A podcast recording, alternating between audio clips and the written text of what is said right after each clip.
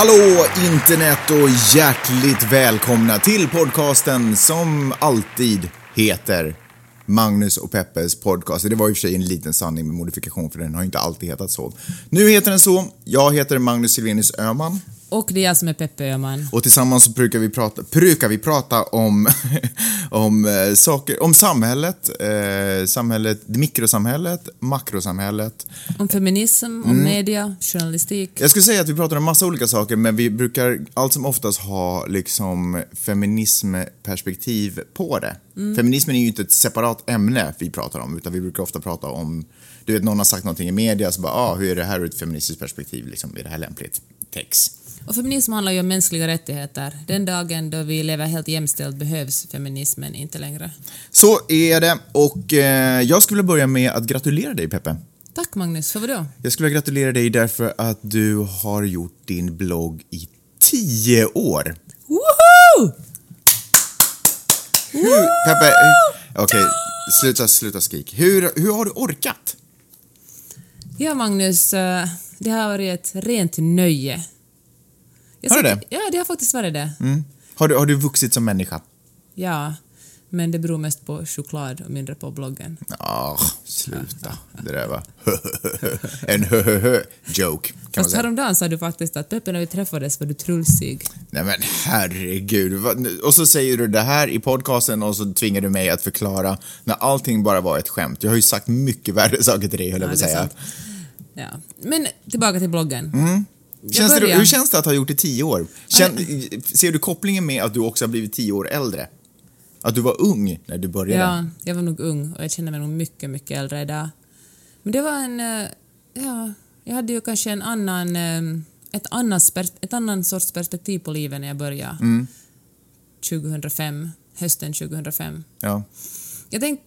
Har du, brukar du gå tillbaka och läsa gamla blogginlägg? Nej, De- jag tycker det de är lite första? pinsamt. Det är lite som att gå tillbaka och läsa sin dagbok. Skulle du vilja, Herregud. skulle du vilja så här, gå tillbaka och radera saker? Ja, Är det så? lite kanske. Har du hittat ja, något? Ja, Eller? Alltså mest, inte för att det är så pinsamt, men bara för att det inte var speciellt bra liksom. Mm. Men har du tänkt på att den här bloggen, jag har haft en relation med bloggen längre än vad jag har haft en relation med dig till exempel. Mm, eller någon annan människa? Jag har haft tre olika pojkvänner under bloggtiden. Ja, det stämmer faktiskt. Säkert fler. Tänk att man kan, eh, ja men inte officiellt. Tänk att man kan vara då. Tänk att man kan följa med också om man, är, om man till exempel är en stalker. Kan man följa med liksom eh, mina relationer genom bloggen också. Vara sådär att jaha, så där skrev Peppe på den tiden när hon var ihop med den här personen och, och så förändrades hennes ton när eh, förutsatt att jag skulle bli så påverkad av det människa jag lever med. Jag har ju faktiskt, jag är en av de få människor säkert på den här planeten som, inklusive du själv, som faktiskt har läst igenom alla postningar, alla, vad heter det, blogginlägg du har skrivit. Jo, jo, du ser att du har läst mina böcker också. Nej men det är sant, jag har läst dem, ish, kind of, sort of. Ja men typ sådär skannat Okej, dem. vad skrev jag 2007 då? Nej men det kommer ju, det är ju taskig du är. Vilket fall som helst, nog om din blogg. Bara grattis Peppe, väldigt bra jobbat. Tror du att den här podcasten kommer leva i tio år? Man kan ju alltid hoppas. Det är ju inte lätt, det krävs lite stamina för att ha igång en, en eh, produktion så länge. Av den här kalibern. Ja, men vi kan ju försöka. Två år har vi väl hållit på med den här ungefär? Tänk om vi skiljer oss och det är så den här podcasten går i graven. Nej, jag tycker att vi ska fortsätta. Eh, Ska vi inte det? Jag tycker man ska, måste hålla skillnad på liksom det professionella man gör och det privata man gör. Så vi bara fortsätter att låtsas som ingenting ska ha hänt. Vi har kanske skilt oss, men En vi gör det ändå. otroligt hypotetisk fråga. Hörru, jag tycker att vi ska prata om saker som vi egentligen ska prata om den här äh, podcasten. Ehm, vill du börja prata om fettfria alternativ i USAs butiker eller ska jag börja prata om... Jag börjar. Ja, Okej, varsågod. Det stör mig ju otroligt mycket att allt som säljs i de amerikanska supermarketerna är no fat. Alltså det är det största säljargumentet, no fat. Det är omöjligt att få tag på yoghurt, eller okej, det är inte helt omöjligt, man måste verkligen anstränga sig om man ska hitta yoghurt utan eh, med fett. Ja, jag hittade av eh, mellan tummen och pekfingret ehm, 30 olika, jag skulle nämligen köpa yoghurt igår eh, kväll faktiskt i butiken, i vår närbutik här. Eh, av 30 produkter så var en full, eller liksom traditionell som den titel, eller som stämplades. Visst är det sjukt? Och istället för att, för att sätta i fett sätter de i socker. Eller Mm. nå- ibland är de no sugar, no fat, men då är det någon annan form, så, någon annan form av socker, som Ja. typ eh, corn syrup eller något sånt. Det är nog, eh, de amerikanerna äter inte speciellt bra. Så jag har stört mig supermycket på det här. Sen har jag också stört mig på att alla barn äter cornflakes till frukost och det borde ju inte angå mig det minsta vad ungarna äter till frukost. Men det finns ju liksom, det, finns, det kan finnas 30 meters hyllor från golv till tak med bara olika sorters cornflakes. Och eh, då kommer jag ihåg en artikel som jag läste den i våras som fanns på The Atlantic som handlar om, om eh, cornflakes i USA. Och cornflakes har ju funnits längre än det mesta i det här landet. Det är ju ett ungt land men cornflakesen är gamla. Och redan i slutet på 1800-talet så började Kellogg producera cornflakes. Det är så roligt att det faktiskt fanns en snubbe som heter Kellogg. Nu Ja. när det är så förknippat med flingan så är det så svårt att se en person bakom det. Ja, men det var en människa. Det stämmer. Och eh, han ville ha ett motgift mot, du kan aldrig gissa, mot onani. Var det det han sökte? Ja, så han... Ska, Han tyckte att folk onanerade för mycket? Ja, för det uppfattades som ohälsosamt och kunde typ leda till tuberkulos och, och problem med ryggen och allt möjligt annat vidrigt. Okej. Så han eh, uppfann, han uppfann då de fettfria cornflakesen. Problem med ryggen förresten? Okej, ja. okej, ja. Och, eh, och så och också för att, eh, för att om man åt rött kött och kryddig mat, det kunde liksom upphetsa folk. Så därför ville han verkligen skapa någonting sådär mellow, någonting som var lugnt och fint. Och han hade till och med han hade till och med så kliniker, eller så sanatorium som man kunde åka till och, äta, och liksom kurera sig, ta det lugnt och äta cornflakes. Och, och det var liksom hälso, alltså det var hälsosamt. Och det var bra för eh, magen också. Alltså, jag ska säga någonting nu där jag applicerar absolut noll kunskap. Eh, Du ska- Jag ska, du ska- killgissa. Det är exakt vad jag ska göra. Jag ska killgissa nu, för jag har en feeling. Okej. Men jag vill att du marknadsför den som sak, som Alltså, ni- fakta. Och sen blir du sårad om jag kommer med fakta och ser den, Ni, dig. ni som lyssnar på det här, ni kan egentligen hoppa fram fem minuter in i den här podcasten nu för att det här jag kommer säga är helt sjukt lösryckt. Eh, men jag har faktiskt en sån här känsla av att om man äter kött det, eh, så får man naturligtvis i sig proteiner, men jag tror att man också får i sig massa andra ämnen, eller att det sker någon form av kemisk process i kroppen som uppmuntrar testosteron eh, produktion och, och, och alla såna här saker. Och jag tror att aggressiv sexualitet och ryggproblem, säga, nej men aggressiv sexualitet är kopplat till de här ämnena också som det Du tror som Kellogg. jag, jag, jag kan, jag kan, jag, jag, ja, jag kan se att, ja, Du tror att han också killgissade, men han gick bara jävligt hårt ut med att uh, säga att det här är vetenskap. ja, han kan ju faktiskt ha gjort något, han var ju doktor, liksom, så jag tänker mig att han kanske har gjort någon form av vetenskaplig research på det här ämnet. Men jag, har, jag, jag tror honom. Så, nu tillbaka till verkligheten.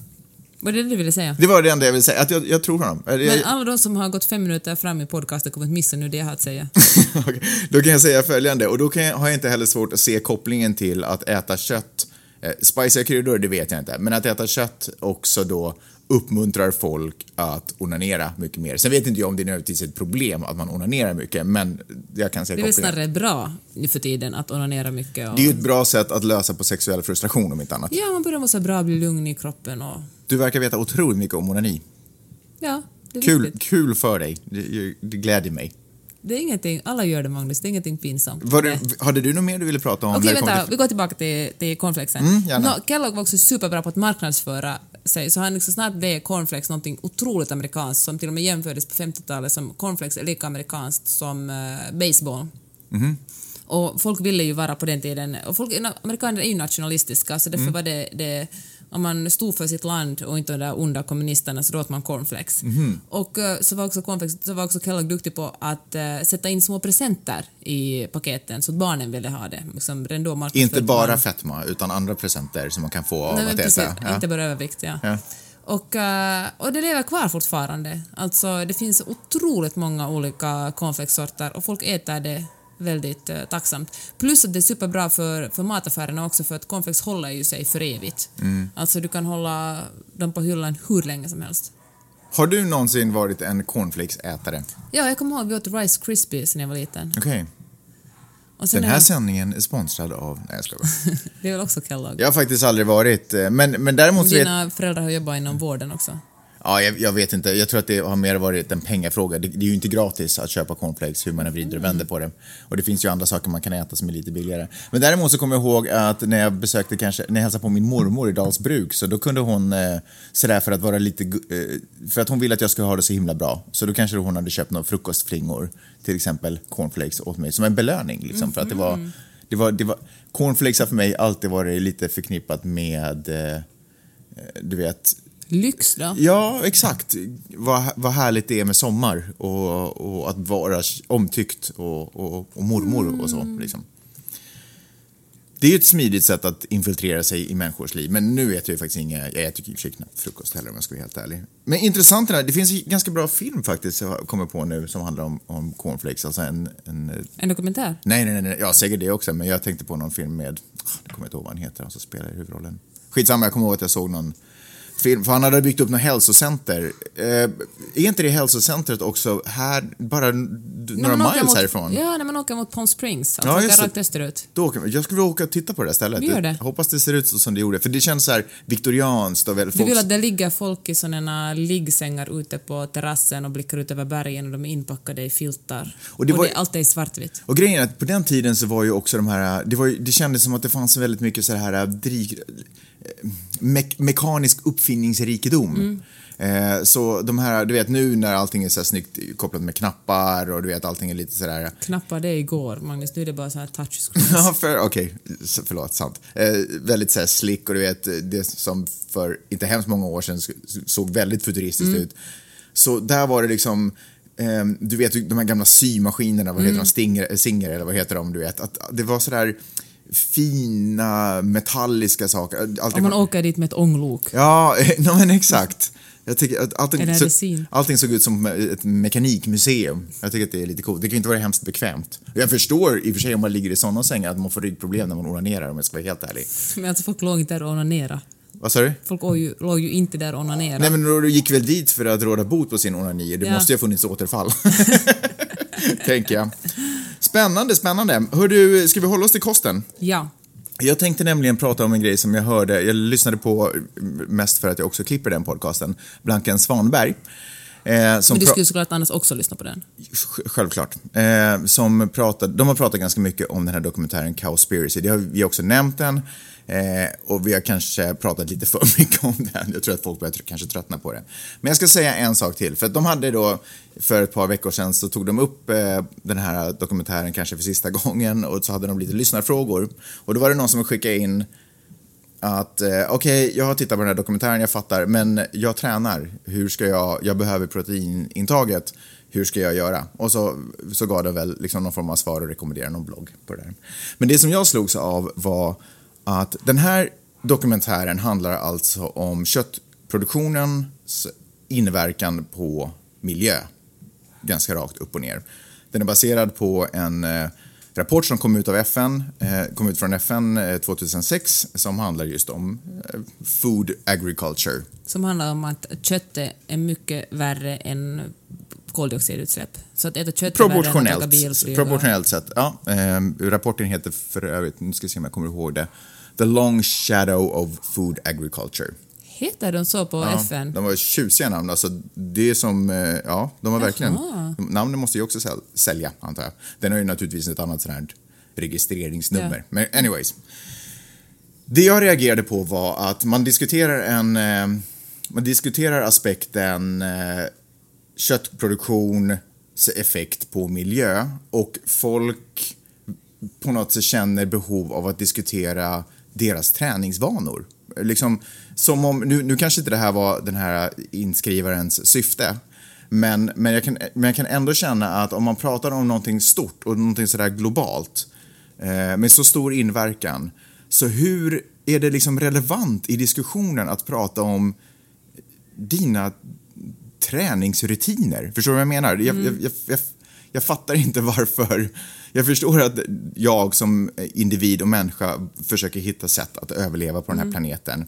Men, men samtidigt så ställs ju aldrig motfrågan, det, det görs ju liksom ingen man belyser inte liksom hur tränar du, tränar du, liksom, bara det faktum att man säger att man tränar så är det på något sätt en mänsklig rättighet. Aha, nej, då ska du fortsätta äta kött. Ja, exakt, att det här är sätt du kan lösa din träningsgrej. Som om träning var ett egenvärde, en mänsklig rättighet, någonting som bara jag, säger, bara jag lyfter träningskortet så då är jag befriad från från att göra, dr- dra mitt strå till stacken när det kommer till bevarande av du vet, regnskog eh, eller möjligheten att hind- förhindra Mm. att eh, haven försurnas av, eh, ja men du vet, av boskap.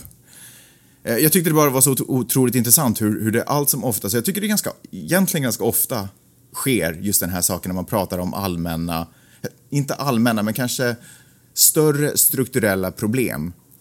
Att det alltid dras ner till en individs särintresse. Som jag ändå kanske måste säga, för det, det är ju inte så att det är evolutionärt eller biologiskt försvarbart att träna. Det är bra för din kropp och jag förstår, det är man, klart man ska röra på sig men det är inte så att det är människans utveckling alltid har varit så att, att i grott, du vet vi klev ut från grottan och så nu ska jag ut och jaga men först paus, jag ska gå och träna. Alltså det, det, det här är ju en ny, en ny företeelse som jag inte riktigt förstår varför Moder Jord ska anpassa sig till. Så där argumenterar ju folk också om man eh, talar om eh, föräldraledighet. Ja. Då är de sådär att nej, nej, för just i vår familj råkar det passa sig bäst så att mamman tar ut hela föräldraledigheten. Mm. Vi är bara en individ, vi är inte en del av vår... Det vi gör påverkar inte hela samhället. Ja. Men så gör alla på exakt samma sätt för de tycker att de just har sin individuella rätt att göra det de tycker Ja. är bäst. Och för mig personligen, det här är inte rocket science, det finns proteinpulver. Jag förstår att, okej, men ska man äta kemikalier? Ja, men okej, nej. Kanske man inte ska äta kemikalier, kanske du ska träna på A, träna på ett annat sätt. Eller B, vad, vad är viktigare? Att du har möjlighet att träna och få det proteintillskottet du tror eller upplever att du behöver. Eller att vi fortsätter skövla regnskog eller fortsätter eh, bidra till försurning av hav och fortsätter se arter kollapsa och dö och fortsätter utnyttja liksom, fattiga människor och sätta dem i en otroligt du vet, vidrig situation. Jag, jag, jag förstår inte relationen. Det är egentligen det enda jag vill säga. Jag vill inte... Jag pallar inte hålla på att bli arg för den här saken. Du vill shamea alla som äter kött. Nej, men jag vill inte shamea alla som äter kött. Det, verkligen inte. Jag tycker att det, liksom var och en får göra så gott man kan. Och för det, man- men jag, på något Du sätt, ser att det privata är politiskt. jag säger så här. Om vi diskuterar en sak så, som, är, som berör oss alla och i det här fallet på en global nivå eh, så är inte så är inte, då är samtalsämnet det. Då är inte samtalsämnet hur ska du lösa ditt 9 till 5 jobb eller hur ska du hantera din... Det får du på något sätt... Om Folk du, bara, men jag då? om, om, om, om du ställer upp på den här äh, stora planen eller om du tar till dig det här stora budskapet då är det väl liksom på något sätt din uppgift att se hur kan jag förändra så att det kommer funka med den stora planen. Inte sådär hur... Det är som att man på något sätt kräver att... ehm, kräver en ursäkt för att... Jag, jag vet inte riktigt ens vad det handlar Men det handlar om den här fokusförflyttningen liksom på något sätt till mitt, till mitt lilla liv. Alltså det är ju en annan sak om man sådär, okej, och det kanske var så hon menade i och för sig, den här personen som skrev in. Eh, okej, jag erkänner, jag ser problemet här. Eh, men nu är det så att jag tränar, det ger otroligt mycket i mitt liv. Jag skulle inte vilja ge upp den saken. Det, inte sagt att jag inte skulle kunna men jag skulle helst inte vilja, hur kan jag lösa det här? Hur kan, jag få, hur kan vi ha de här båda världarna där regnskog bevaras och jag fortfarande får träna? Eh, men jag tycker ändå att det är, ja, jag bara reagerar på att det, är ofta, det på något sätt, jag tycker inte att en individ, nu har jag sagt det tusen gånger, en individs träning är inte samma diskussion som hur löser vi den globala miljön, miljöproblemet. Och jag tycker heller inte ens... Du märkte att jag öppnade munnen och då okej, men började du snabbt prata. Hoppa in. Nej, jag vill bara säga att... eh, förlåt, nu tar jag fokus i träningen igen, men uh, vad fan, ingen har väl sagt att man måste äta kött för att träna? Ja, det är också, men det är liksom en sid, sido... Jag, håll- vet, jag fattar, jag vet, jag vet. Jag, vet, jag håller med. Eh, där, och egentligen så, jag, Men jag tänker bara, jag blir så irriterad på det finns en massa så här kostrådgivare och, och personal trainers där ute som deras ord på något sätt behandlas som, eh, som de skulle vara allsmäktiga gudar. ja. Jag menar, Jo men det här, precis, exakt. Ja, eh, jag avbryter för att säga exakt samma sak. För det här kan jag också känna att eh, jag, då säger kanske en person som tränar, och det här är helt hypotetiskt, då säger kanske en person som tränar, ja men jag har lärt mig att jag behöver de här eh, mängden protein för att min fysiska kropp ska utvecklas på det sättet som jag vill att den ska utvecklas.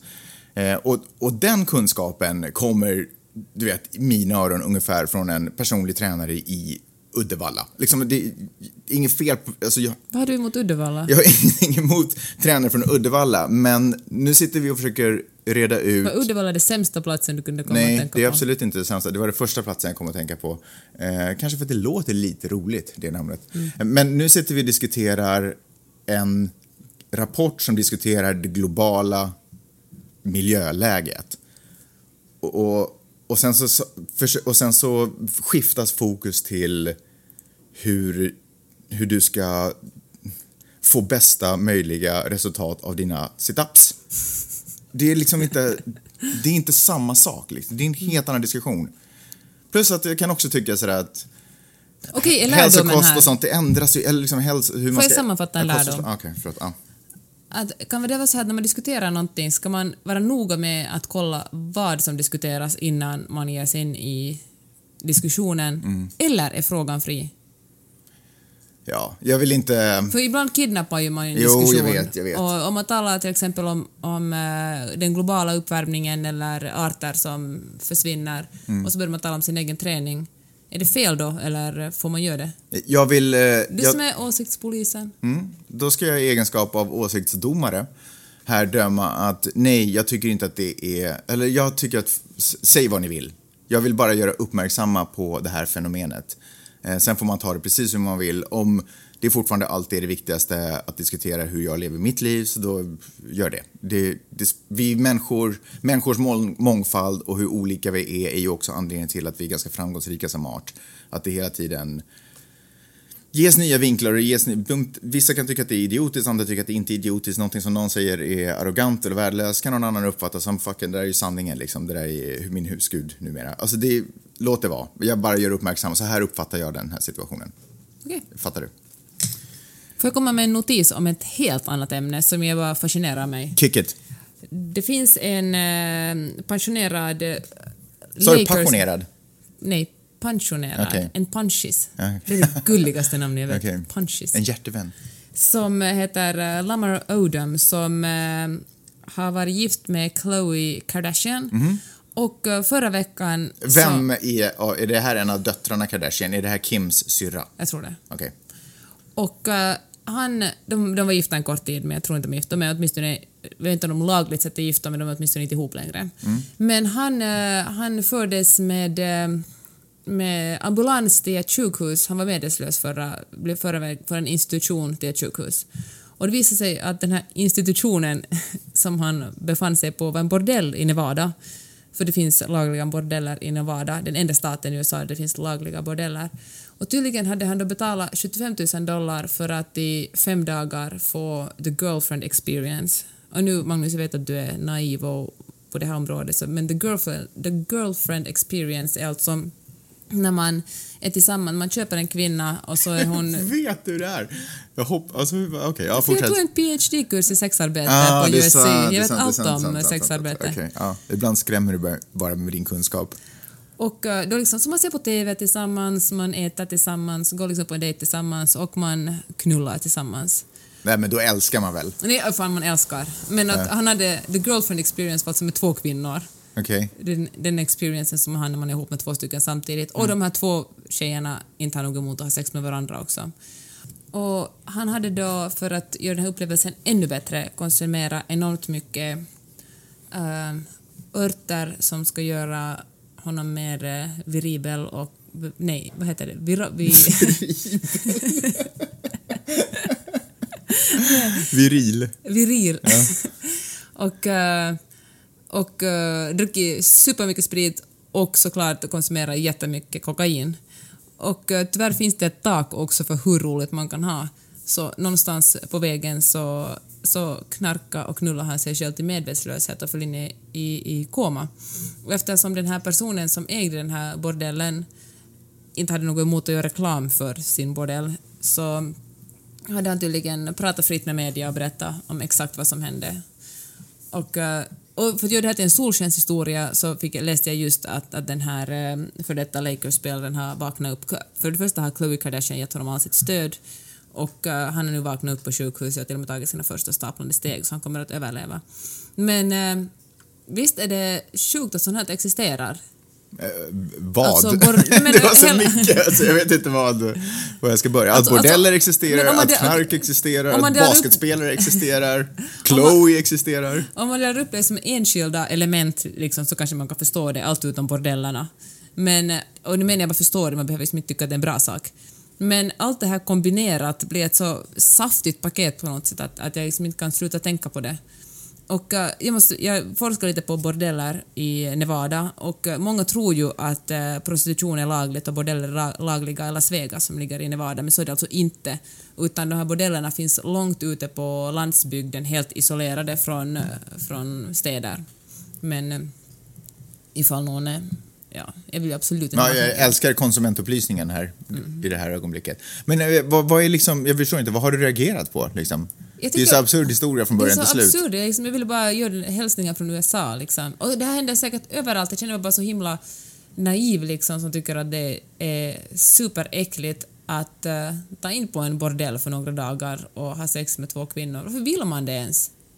Men kan, är inte det här liksom ett uttryck för eh, enorm tristess på något sätt? Mm.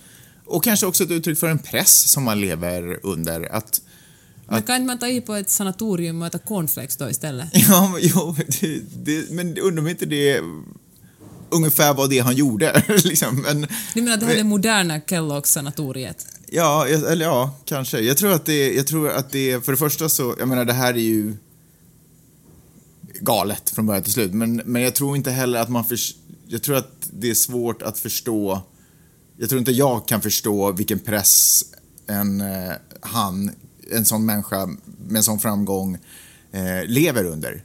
Eh, dels med liksom hela tiden vara synad och sedd av media och alltihopa och hela och, och den här pressen att eh, hela tiden leverera för eh, Men nu levererar han ju verkligen. ja, men du vet, förlag och alltihopa och folk lägger ner så otroligt mycket vikt på sport i det här landet och i världen. Så liksom, jag tror bara att det är en sinnessjuk värld de lever i. Men tänk på de här kvinnorna på de här bordellerna. Där sitter de och väntar på att någon ska komma och köpa dem för några dagar. Ja, med den aspekten, ja, absolut. Ja. Ja. jag vet inte vad jag ska... Frågar du mig om jag är emot bordeller eller? Nej, vad? vi behöver inte tala om det. Vi har talat om det så mycket i tidigare podcaster. Men eh, jag vet inte, jag, jag ville bara, jag kände mig bara så himla oskyldig på något sätt. Här är jag småbarnsmamma i vår lilla lägenhet och Men jag tycker att det, är- det, en grej som jag tycker är intressant med det här är att, för att det är inte helt oofta som jag sitter och snubblar över artiklar där man läser om att ja, men nu har den där Miami Heats eh, stjärnan köpt en 12 miljoner villa i eh, Pacific Palisades här runt hörnet. Du vet, jag vet inte hur många rum och eh, ryktet går att eh, Bill Gates har ett hus med 87 rum, eller, eller du vet, liksom alla de här otroliga fantasihistorierna. Eh, och det är så lätt att bli bländad av det där och bara shit, det där vill jag också ha, och det där också. Och sen så ser man inte liksom lika med strecket mellan att också fin- bli funnen eh, i koma på en, på en bordell nerknarkad med en på något sätt någon form av girlfriend experience. Hur mycket hur, hur ledsamt det någonstans ändå är. Det tyder ju inte på att han verkar ha superroligt. Så jag menar, om man, man är ju inte på en bra plats om man tar en påse kokain och drar till en bordell långt ut i öknen i Nevada. Jag menar, det måste ju finnas närmare... det jobbigaste för dig var att åka till öknen. ja, men, men jag menar, det känns... Jag menar, om man har... Nej men jag fattar vad du menar, man är liksom desperat. Det är inte liksom. dit, Man måste... inte ens, om jag mår dåligt så är det inte sådana lösningar jag försöker, jag försöker inte hitta någon som kan deala knark till mig som jag kan dra iväg. Du vet, det, det, är ganska, det, det känns ju som en ganska sorglig upplevelse. Ganska destruktiv kanske. Otroligt destruktiv. Och, men det jag tycker är intressant är att man, man på något sätt, jag, man vill, jag känner hela tiden pressen på att på något sätt försöka uppnå det här möjligheten att kunna köpa den här 12 miljoners villan. Men jag ser aldrig, eller jag, jag presenteras inte på samma sätt också för baksidan av det här myntet. Att, att allting har någonstans lite ett pris. Jag säger inte att alla miljonärer också knarkar ihjäl sig, vet, kom, till koma till sånt bordeller. Men, men, men jag tror ändå att allt är, allting... Man, det- lite det sådär, man ska, vara försiktig vad man, man ska vara försiktig vad man ber om, vad man önskar det. Ja, vad man önskar. Det som jag tycker är intressant är att eh, alltså skvallerpressen sig över det här. Det är ju så smaskigt att liksom, det är svårt att hålla sig borta. Men det finns ändå en, en, em, någon slags så här, eh, man tycker synd om honom, det som du också gör nu, du tycker lite synd om honom. Att uh, oj, oj, stackarn. Nej, inte för det som har hänt, men för att han har hamnat i den situationen att han söker sig till de här situationerna. Mm. Men då tänker jag att skulle en kvinna bli behandlad på samma sätt om hon skulle verkligen ha svinat till det riktigt ordentligt. Hypotetiskt, tänk om det skulle finnas uh, mansbordeller, kanske det, fin- kanske, kanske det finns såna. Det finns säkert. Åka dit, uh, snorta riktigt mycket kokain och uh, knulla runt och sen hamna i koma. Det är liksom... Ja, Finns det alltså såna jag tror, kvinnosvin? utifrån det perspektiv som vi pratar om det här så tror jag att jag, tror att jag skulle resonera på samma sätt. Eh, för det är ju det är ett destruktivt beteende, helt klart. Jag tror, jag tror att jag skulle göra det, men skitsamma. Men tänk på så att Lindsay Lohan körde i fyllan fucking 15 år sedan. Och, fort, och det slu, hennes karriär tog praktiskt taget slut för att det är så patetiskt att kvinnor dricker och svinar och har sig. Mm. Folk tycker folk är fortfarande gör skämt om det. Ja, ja alltså, ja, vad ska jag säga? Det, är- det är säkert sant. Det är, kvinnor döms säkert hårdare och har större press på sig att vara dygdiga och madonnor. Liksom. Men det är väl allmänt känt, eller? Tåls att påpekas. Tåls att påpekas. Men du, du tycker att han har kommit undan för lätt? Liksom. Det har inte hånats tillräckligt Nej, jag vill mycket? inte eller? värld- Nej, absolut inte. Jag tycker bara att, att det är bara en intressant jämförelse hur fort det gick så att folk tycker synd om honom. Fast jag tycker inte synd om, om du, om du refererar, Nej, refererar till det nej, jag inte pratar det, om. för att utan jag hur media skriver Men har det. media skrivit så här, åh stackarn, har de skrivit det så Nej, eller? de var sådär att Chloe kom genast till hans försvar och liksom stackarn och åh vad roligt, nu har han, upp ur, eh, nu har han stigit upp och tagit sina första steg efter sin eh, koma. Mm. Och det är ju såklart att det är goda nyheter men alltså det var ju lite svinigt ändå av Jo. honom. Hela början är ju skit från början. Ja. Eh, eh, vad heter han? Eh, han som, den här eh, snälla rara engelska pojken, han fick ju ganska, vad fasken heter han? Eh, Som gjorde någon grej med Julia Roberts som jag inte minns helt fel. Va? Ehm, Ah, ehm, många, många, många, många, många, många år sedan. som den där, han fick en avsugning i Ja, men exakt, han blev ju ganska slaktad. Ja, det är sant. Men Men, men, på men jag menar, skitsamma, det där var nu en snubbe av miljoner snubbar som... Bill Cosby är ganska slaktad också i och för sig. Men nu kommer jag bara på de här få exemplen. Jag är ganska övertygad om att fler sak, mer saker har hänt än de här två situationerna. Du menar att män har, andra män har svinat? Ja, jag menar, jag, jag menar, jag, jag, jag, Fast jag kan tänka så här... jag gav folk- en brasklapp på att eh, Ja, jag, kom på fattar, två exempel. Men liksom på något sätt är hans kokainhoror och liksom är lite någon slags, på någon, i någon sjuk värld så är det ändå liksom ett coolt svineri. Folk tycker kanske lite att folk drömmer om att också ha 75 000 dollar att sätta på betal. Det var alltså betalningen bara till bordellen. Ja, jag vet inte. Kanske, kanske inte. Jag vet inte om jag håller med dig. Men kanske, kanske du har helt rätt. Ehm, jag tänkte snacka om The Walking Dead. Mm. Jag älskar den serien. I know. Jag älskar den serien i tv-form och jag älskar den serie i serietidningsform. Nu har jag faktiskt inte läst den på sjukt länge i serietidningsform. Vilket är roligt, för då har jag jättemånga nummer när jag sen dyker ner i den igen.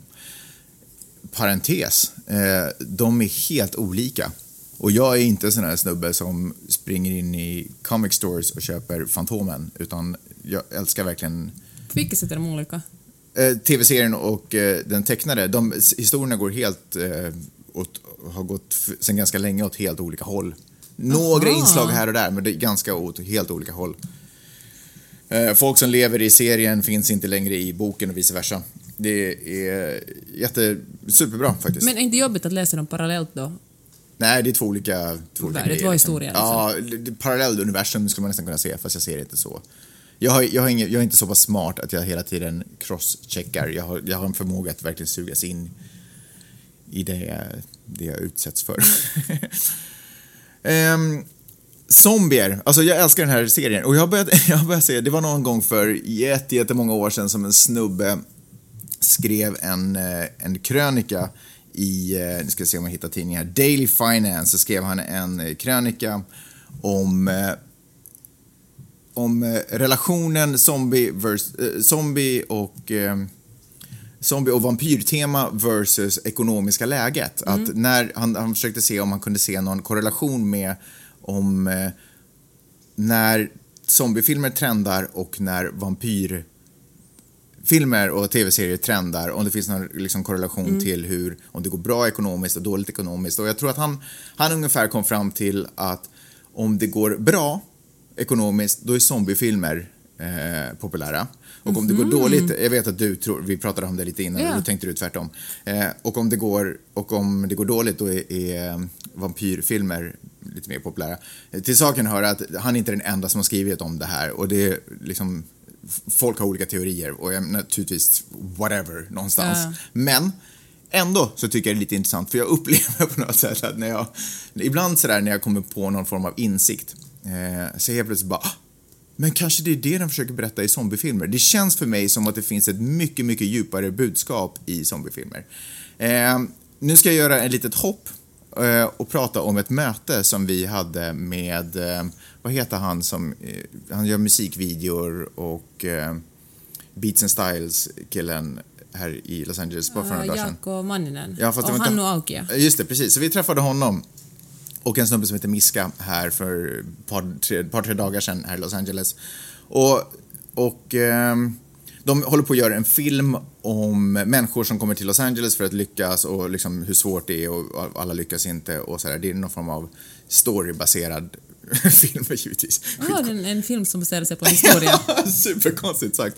Men i alla fall. Men då sa han så här att han hade träffat på, eller någon av de här i det här gänget sa att de hade träffat på en skådespelare Det är svårt att vara skådespelare, man sitter alltid och väntar på jobb liksom, hela tiden. Då de hade träffat på en skådespelare som hade sagt så här att han önskar, hen önskar, för jag vet inte om det var en han eller hon, hen önskar att, zombie, att det skulle bli en zombieapokalyps så att man slapp bry sig om sin karriär, sin framtid. Man orkar inte sitta och tänka på vad ska hända, hur ska man göra och bla bla.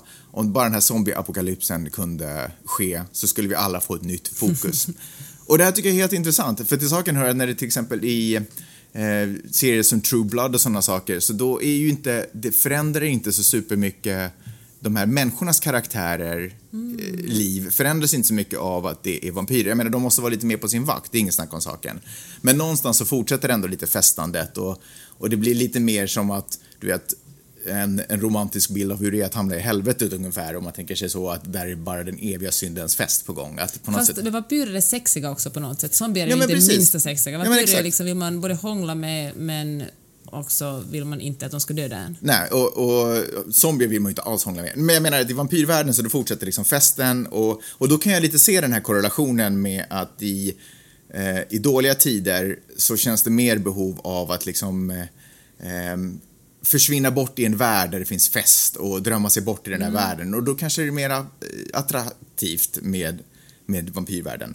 Eh, men när det går bra så då är hela tiden den här, nu måste jag kapitalisera på den här tiden, nu, nu liksom måste man vara lite mer alert och, och då känns det mer som att man kanske har det här dröset ifrån, eller? Känner du att jag är ute och svamlar lite, eller? Nej, alltså det är intressant men jag tror att man kan på något sätt eh, man kan eh, försvara båda sidorna. Man kan ju tänka sig så här att under dåliga tider drömmer man om en eh, zombieapokalyps för då vill man att det ska komma till ett slut, det är liksom Mm. Ah, en jättestor tusan, ja. förändring. Men förstår du, det är Jo, det är liksom jag vet, jag vet, en ny värld framför oss, en ny bättre värld, eller en ny sämre värld, men i alla fall någonting helt nytt. Mm. Medan i bra tider så, så kan man eh, njuta av att eh, förhäxas av de där stiliga vampyrerna. Fan, ta inte bort min eh, visdom, livsvisdom här som jag har Förlåt. fått av att titta på zombiefilmer. Ehm, jag har också lite tänkt, jag, jag, jag, jag försöker ett nytt, ett nytt försök då med att applicera The Walking Dead på livet Ah, vi lever okej. i. Men alltså lever vi en bra tid eller en dålig tid nu? Nu lever vi, ja det beror ju lite på hur man ser på det. Jag är upplever- ganska nöjd. Jag tänkte ju säga att jag upplever kanske att du och jag personligen, vi lever i ett ganska bra skede i våra liv. Ja. Men nu är det ju ganska hårda, svåra Ja. tider sådär västvärlden ekonomiskt ja, kan jag kanske tycka. Ja. Ehm, Och kanske all annan värld också. Mm. Förutom för den ena procenten. och så har jag tänkt så här när det kommer till The Walking Dead. det är att eh, det finns så himla mycket saker som är skrämmande på den här planeten. Eh, och eh, om man inte hela tiden på något sätt utsätter sig för den här, um, de här sakerna och, och bli, låter dem bli en del av ens liv så kommer de att, upp, for, att for, bara växa i sin, liksom, i sin ehm, terror. Eller att de kommer bara bli läskigare. Eller, steget att kliva över sen kommer bara bli ännu större ju, ju längre ifrån man håller sig från det man är rädd för. Förstår du vad jag försöker säga? Jag tänkte säga någonting eller? Ja, får jag säga någonting? Får jag säga någonting? Ja. Okej. Alltså det är intressant för det här påminner mycket om vad Lisa Marklund talar i sitt sommarprat. Hon talar om att det nästan bara är, det är vissa länder där man konsumerar deckare supermycket, de, som till exempel Norden och Tyskland och ganska mycket i Storbritannien. Men i till exempel Argentina som ganska nyligen har haft en, en blodig diktatur, och Chile för den delen också, och många andra ställen som har, som har som har en ganska blodig närhistoria, där konsumerar man inte alls uh, deckare och Mhm. blod och människor som dör eftersom det ligger för eh, nära, i, det, man kommer ihåg det för bra. Förlåt, nu blandade jag bort mig när jag pratar eftersom barnen håller på att. Mm. Ja, fra- framförallt så byter du lite fokus ifrån det jag försökte säga. Fast det är intressant det du, det du sa. Men det jag skulle komma till var att jag kan se hur The Walking Dead, uppsättningen, de levande människorna och de ehm, och, och zombierna. Jag kan se hur de representerar, jag kan se hur människor, de levande människorna i den här serien representerar eh, livet och hur viktigt det är att vi blir bekväma med det som är skrämmande och finner ett sätt att leva jämsides med det. Eh, och att, att inte låta terrorn ta över, att man hela tiden springer bort utan man också lär sig att konfrontera den här terrorn och ta tag i, i den. Liksom. Eh, och samtidigt som jag kan se hur zombierna på något sätt representerar den här rädslan som vi har inom oss, att man kan låta den helt konsumera en. Och då är man inte mycket mer än en, en varelse som bara rör sig framåt och äter. Förstår vad jag menar? Och, och jagar mat och sitt eget proteinintag. Eh, men Snygg spaning, Magnus. äntligen fick jag till någonting som du är med på här. Eh, så det, det kände jag ganska starkt. Eh, ja, för vi pratade här, du och jag, tidigare om om lycka och, och att det här också inte är någonting, man, man kan inte heller bli bekväm bara för att man tycker att man kanske har levt ett liv i något skede, en period i sitt liv, har varit ute och rest och kanske gjort alltihopa och sen kanske slutar göra det. Ma- Talar du om min mamma nu? Eh, ja, eller människor överhuvudtaget som kanske har i, i tidigare skeden i sitt liv kanske varit aktiva och på och ute och sett och inte varit rädda för världen. Så märker jag också om eh, att när de sen slutar göra det jag, pratar, jag vet inte riktigt om jag pratar om något specifikt. Jag tror jag pratar om samtal jag haft med äldre människor. Eh, och, så, och så när de slutar göra det så det är inte som att cykla. Den känslan, känslan av orädsla kommer inte alltid bara finnas där utan det är på något sätt man, någonting man aktivt hela tiden måste bemöta därför att den bilden av vad som är skrämmande också lite förändras på något sätt.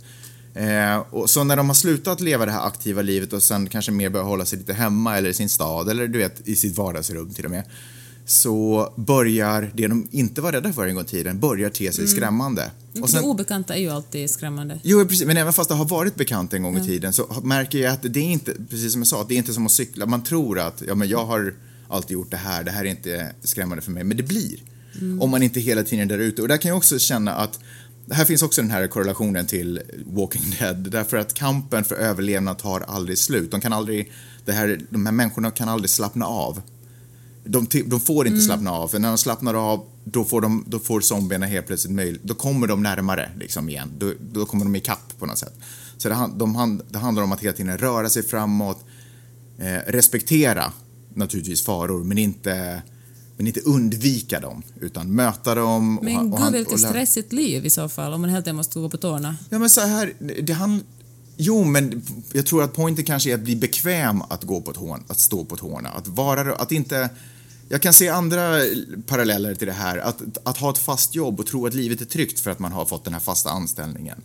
Och sen är plötsligt så liksom rämnar barrikaderna och så kommer zombierna in och då, då är det lite, och så får du sparken. Och då är det skitsamma om du hade ett fast jobb eller inte. Och om du då har blivit trygg i, ditt, i din fåtölj så är det jättesvårt att resa sig upp snabbt liksom och vara, det är bättre på något sätt att man kan tycka att det är stressigt och jobbigt och skrämmande men om det blir en del av ens personlighet att acceptera att livet och världen är föränderlig hela tiden och blir en del av det levnadssättet så tror jag också att det är mycket lättare att förhålla sig till, eh, till det och då är det inte så skrämmande. Ja. Nej, Tråkar jag fortsätt ut dig, eller? Nej, nej, fortsätt prata. Okej, ja, det var min något? spaning angående The Walking Dead. Nej, det var bra. Det var superbra, Magnus. jag ska Riktigt. säga en sak till angående Walking Dead. Nej men herregud, Nej, men kom du har igen. talat, du har talat, no, säg då. Och det är Nej, du måste skämta. Jag tror du skämtar. Du kan riktigt säga. jag ska säga en sak till. Och det är att jag har tittat här nu på de senaste kvällarna, jag tittar ganska mycket på, på slukar några avsnitt. Berätta mer, vad du har tittat på på Netflix? Kom igen nu, lyssna, dra inte ut på den här tiden, låt mig berätta nu. Det jag skulle säga var att när jag var liten och låg i min lilla säng eh, hemma i mitt lilla pojkrum med kanske en, eh, en Karate Kid-poster på väggen och läste skrämmande böcker som till exempel eh, Alfred Hitchcocks eh, Tre deckare eller något sånt här. Så kunde jag aldrig sluta läsa eh, de här böckerna. Jag måste nästan läsa, hade jag börjat på den på kvällen så måste jag läsa slut hela boken under den natten därför att det är så skrämmande att sluta i mitten så att jag kan inte, eh, jag kan inte sova så jag måste läsa sluten helt enkelt. Så jag får en, liksom, en upplösning på något sätt. Eh, och jag känner hur jag faller in i det samma. Så när du har gått och lagt dig med Vidde och jag ligger där ensam i mörkret på något sätt i min egen ensamhet och, och tittar på The, The Walking Dead eh, så, så, känner jag hur jag blir den här lilla pojken som sitter och läser de här tre deckarna igen och sen så, och jag kan inte sluta se jag måste se klart avsnittet för det är för skrämmande att avbryta i mitten för då blir det den sista tanken på något sätt. Men jag måste se klart avsnittet. Men problemet är att tv-avsnittsdramaturgi är inte uppbyggda på det sättet så det slutar alltid ännu mer spännande vilket lockar mig, eller nästan tvingar mig att se ännu ett avsnitt. Så nu har de senaste nätterna suttit uppe typ till några flipping två på natten för att kolla i hopp om att få se ett slut på det här eländet. Men det går inte. Till slut så somnar jag av ren utmattning i terror. Vänta, ska jag plocka fram en violin och spela för dig, för ditt stackars människoöde. Du är så jävla kall. Du är så jäkla kall och hård. Har du någonting mer du vill prata Jennifer om den här veckan? Jennifer Lawrence ja, okay. kom ut med en essä i Lina Dunhams och hennes kompis Jenny Connors uh, veckobrev. Mm -hmm. Jag har ju sagt det, veckobrev är ju det stora. Ja.